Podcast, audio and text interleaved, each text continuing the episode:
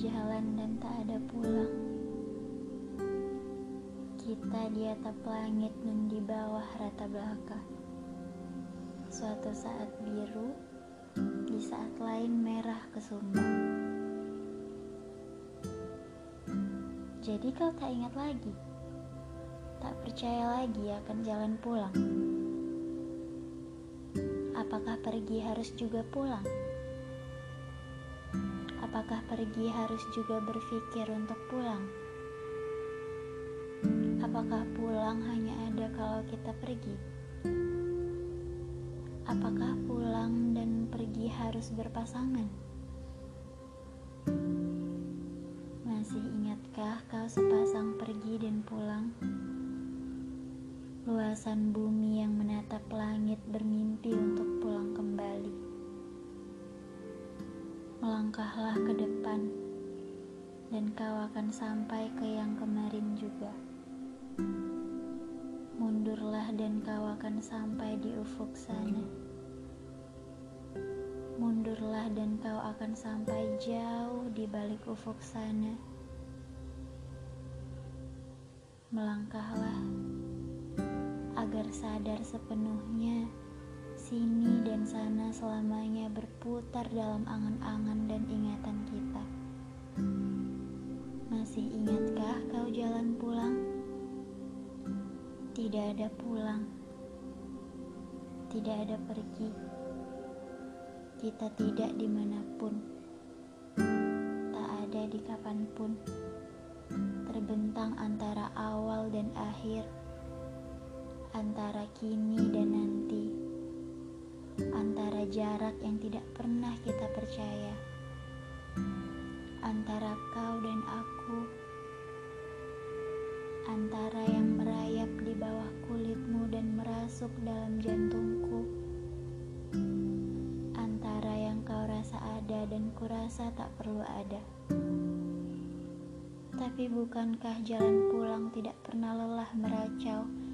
Akulah jalan pulang, lewatilah aku.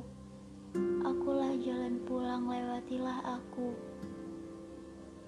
Bisakah kau baca penandanya? Mampukah aku menebak petandanya? Tanda ditakdirkan sebagai tafsir atas dirinya sendiri.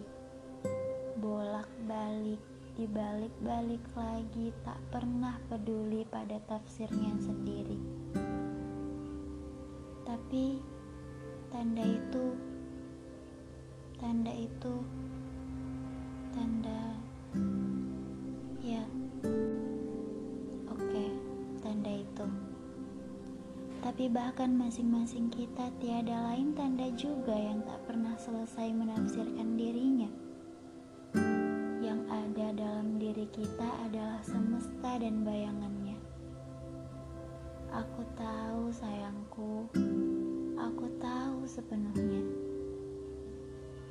Yang ada dalam diri kita adalah semesta yang senantiasa bertanya pada bayangannya entah tentang apa. Aku tahu sayangku, kau bayangan dan aku semesta. Begitu.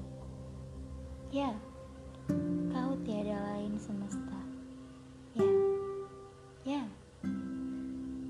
dan kau bayang-bayang belaka yang tak kasat mata. Ya, ya. Sudah berapa kali ku bilang jarak antara pergi dan pulang sejengkal saja. Hanya sejengkal dan itu pun hanya ada di otak kita. Hanya ada di ruh kita yang lebih suka tinggal di awang-awang. Oke. Okay tidak ada pergi dan tidak ada pulang katamu.